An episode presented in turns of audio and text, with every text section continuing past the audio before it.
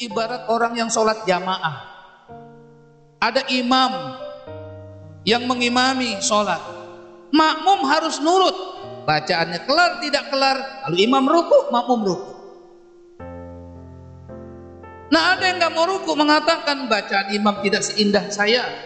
Baca imam terlalu cepat dibandingkan saya. Oh tidak bisa dalam peraturan sholat. Sehebat apa pun anda ketika ada makmum tunduk.